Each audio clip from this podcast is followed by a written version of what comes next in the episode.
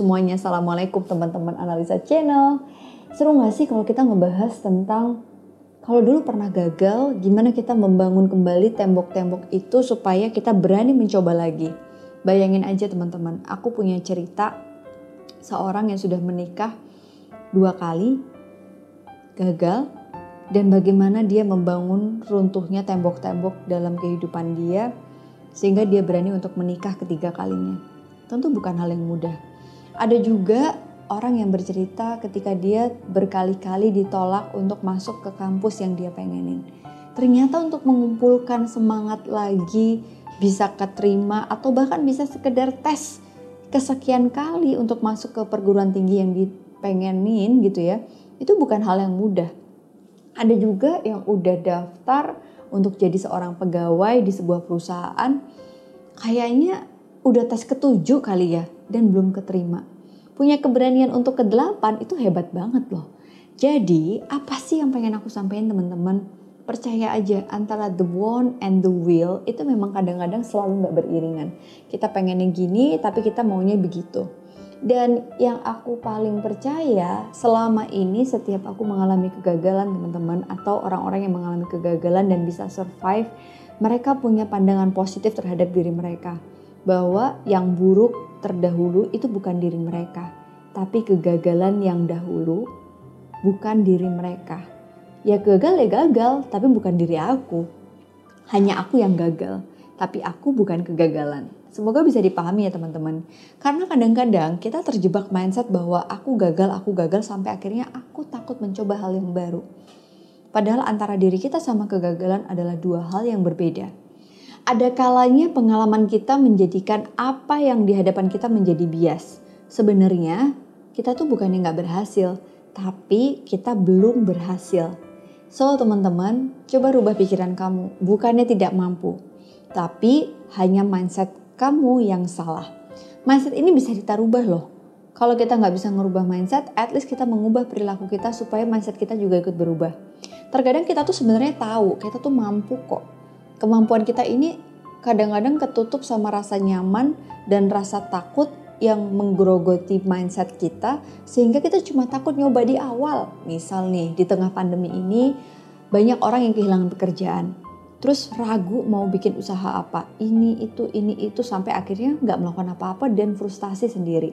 Tapi bayangin mereka yang pejuang sejati yang nggak perlu mikir berhasil atau gagal mereka action dulu ya tentu dengan perhitungan gitu ya oke jadi aku pengen bilang bahwa there is a way if you have a will a will ini atau willingness ini tuh memang selalu akan menemukan jalan kalau kita tuh punya kemauan gitu loh Cuma yang bikin susah itu jalannya nggak ketemu karena kita sendiri nggak punya kemauan. Nah kadang-kadang kalau kita flashback ke masa dulu nih, kita tuh kan dijajah oleh pikiran-pikiran yang membuat kita tuh takut untuk memulai. Dulu gagal, dulu gagal, dulu gagal. Nah untuk memerdekakan pikiran itu tuh nggak mudah loh teman-teman. Aku punya beberapa cara yang bisa kalian coba sampaikan ke diri teman-teman gitu ya. Untuk belajar mindful. Jadi apa sih yang pengen uh, aku sampaikan? Pagi hari cobalah mulai beraktivitas yang fokus pada diri kamu. Sadari apa yang menjadi kelebihan dan kekurangan yang kamu punya sehingga kamu tahu sebenarnya apa yang akan kamu lakukan di saat situasi sulit untuk mencoba sesuatu yang baru.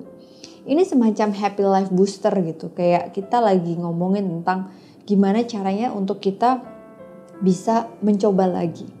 Yang kedua, ternyata menyayangi diri sendiri itu bukan hanya sekedar kasihan, tapi justru dengan kita memulai sesuatu untuk melakukan improvement yang lebih baik daripada sebelumnya. Jadi harus ada nih, kalau dulu takutnya tiga, sekarang takutnya harus dua. Ada kenaikan yang harus kita buat. Ini butuh sebuah pengapresiasian kalau kita udah naik level tertentu. Nah, yang ketiga kenali diri kita. Karena setiap orang tuh pasti punya kelemahan dan kelebihan yang akan membuat kita tuh punya satu kekuatan yaitu sebuah harapan. Berdamai dengan masa lalu akan membuat kita bisa damai dengan apa yang terjadi hari ini teman-teman. Nah selain itu kita juga harus rubah mindset kita supaya kita bisa merdeka dan meruntuhkan tembok-tembok ketakutan dan keraguan kita. Jangan pernah berpikir bahwa setiap obstacle atau tantangan atau mungkin hambatan itu membuat kita jadi nggak berani lagi untuk menemukan peluang. Kadang-kadang peluang itu muncul ketika kita berhasil melalui kesulitan loh. Contoh misalnya di tengah pandemi ini, mungkin teman-teman mengalami obstacle ketika harus berhenti dari kerja, bisnisnya lesu dan lain sebagainya.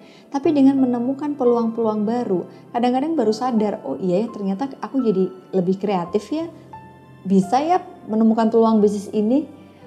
Breaking big ini memang butuh keberanian yang nggak mudah teman-teman. Mindset kita harus dirubah menjadi sebuah tantangan dulu, challenge, bukan sebuah ancaman atau obstacle.